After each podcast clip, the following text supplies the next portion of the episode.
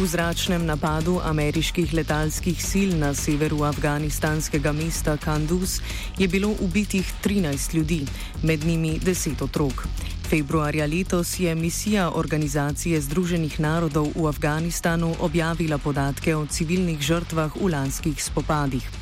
Zabeležili so 3804 smrtnih žrtev in 7189 ranjenih. Število žrtev med civilisti pa se že od leta 2014 ne spreminja in se je skoraj podvojilo glede na podatke iz leta 2009.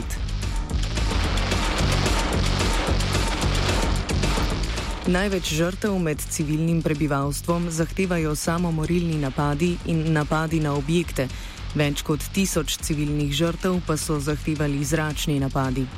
V letu 2018 je namreč ameriško poveljstvo znižalo merila za izvajanje napadov z droni, kar je vodilo v več kot 60 odstotkov več civilnih žrtev letalskih napadov glede na leto 2017. Od leta 2014 se je število žrtev dronov s 162 v štirih letih povečalo za več kot šestkrat. Zgolj dan pred sobotnim dronskim napadom so potekali tudi hudi spopadi v regiji Sangin, kjer so talibanski vojaki v napadu na dve vojaški postojanki ubili 48 ljudi. Po skoraj 18 letih od začetka ameriške invazije na Afganistan so se konec februarja ameriški predstavniki sestali s predstavniki talibanske delegacije v katarski Dohi. Pogajanja, ki so se zaključila 12. marca, pa glede na nadaljevanje spopadov niso obrodila vidnih sadov.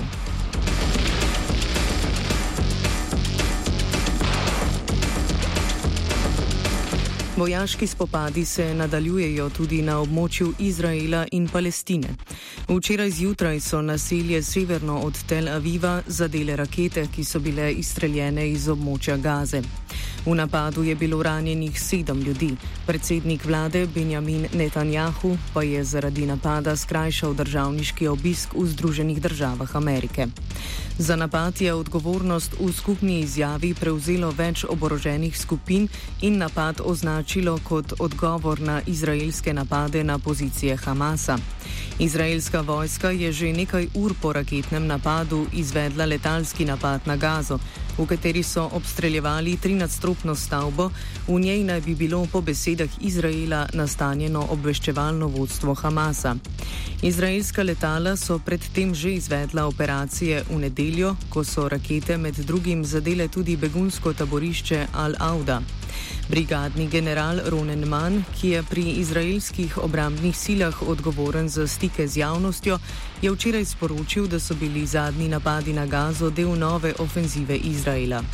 Izmenjavo raketnih napadov je sicer že danes končal Hamas, ko so po posredovanju Egipta njegovi predstavniki oznanili prekinitev ognja, vendar Izrael za zdaj še ni podal uradnega odgovora na sporočilo iz Gaze. Ameriški predsednik Donald Trump je včeraj uradno priznal suverenost države Izrael nad Golansko planoto in območje priznal kot del izraelske države.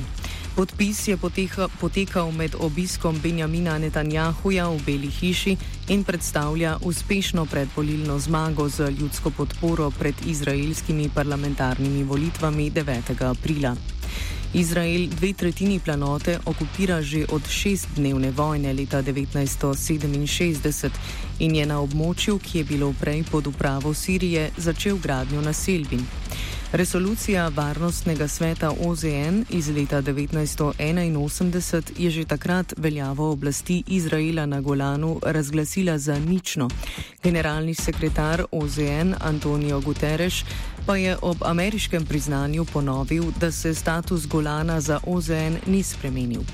Ameriška odločitev je sprožila številne očitke iz arabskih in evropskih držav, proti je javno nastopila tudi stalna članica Varnostnega sveta OZN Rusija.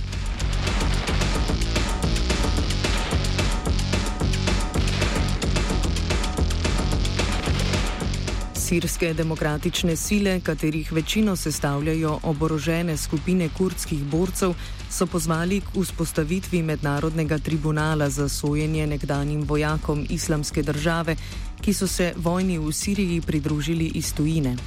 Konec islamske države je omenjena koalicija milic pod vodstvom kurdske JPG razglasila, ko so prevzeli nadzor nad mestom Bagus. Sirske demokratične sile naj bi imele priprtih kakih tisoč borcev islamske države, med katerimi je tudi več državljanov evropskih držav. Francija in Velika Britanija zavračata vrnitev borcev in sporočata, da jim je treba soditi v državah, kjer so bili zločini storjeni. Nemško zunanje ministrstvo pa pogojno pristaja na vrnitev v primeru, da bodo lahko takoj iz letališča premeščeni v pripor. Sirske demokratične sile so sicer že februarja sporočile, da potekajo pogovori z ZDA o vzpostavitvi mednarodnega tribunala, ki naj bi prevzel naloge zaslišanja, preiskave in obsodbe vojakov islamske države.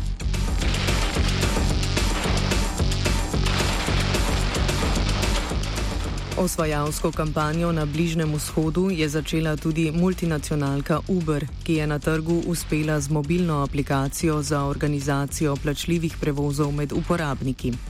Uber je namreč prevzel lastništvo nad svojim tekmecem Karim, ki ima sedež v Dubaju. Karim deluje po istem načelu kot Uber in ponuja storitve svoje aplikacije v več kot 100 mestih v Afriki, na Bližnem vzhodu in v Aziji.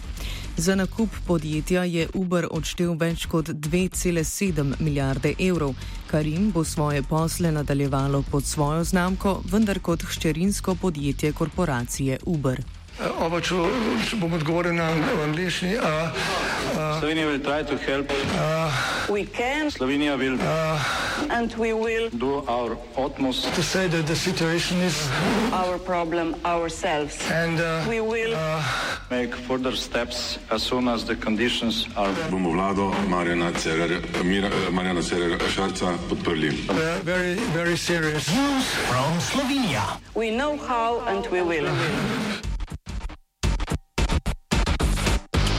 V državnem zboru je bila danes obravnavana novela zakona o kazenskem postopku. Glede na predstavljena stališča strank pa se noveli obeta zadostna podpora. Novela zakona med drugim natančneje določa pogoje za preiskave odvetniških pisarn, omogoča preiskave stanovanj ob nedosegljivosti lastnika ter uzakonja uporabo tako imenovanih imsilovilcev. Gre namreč za naprave, ki omogočajo sledenje in prisluškovanje mobilnim telefonom. Podporo predlogu so napovedale stranke koalicije in SNS, proti pa so se opredelile poslanske skupine SDS, NSI. Nova Slovenija in Levica.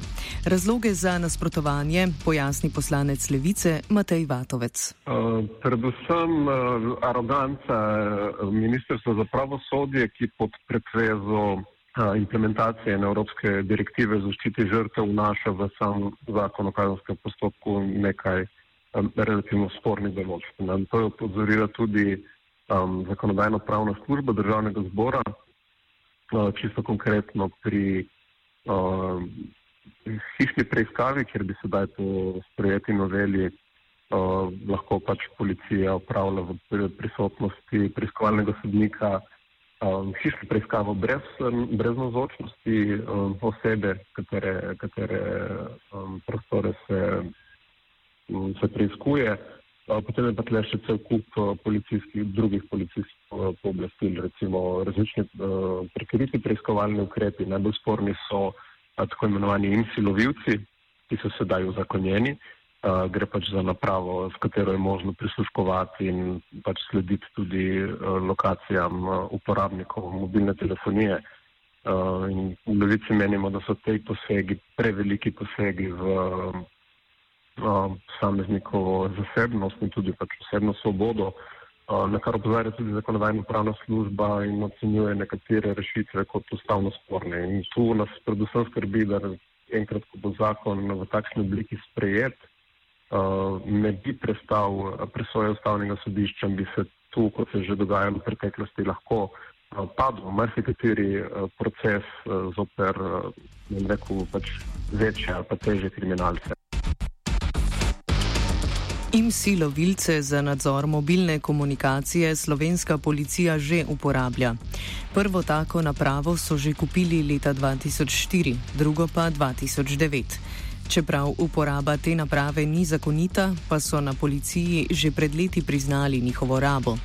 Novela med drugim ne predvideva varoval, kot je uporaba teh naprav zgolj pod sodnim nadzorom, ampak dovoljuje namestitev in uporabo v prostorih policije.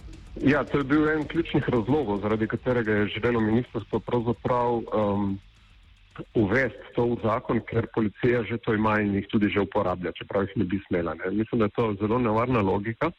Um, enako je recimo tudi pri določbi o vabljenju prič, uh, kjer pač policija pa je sedaj že ustno vabi uh, priče na zaslišanja, kar nima niti zakonske podlage.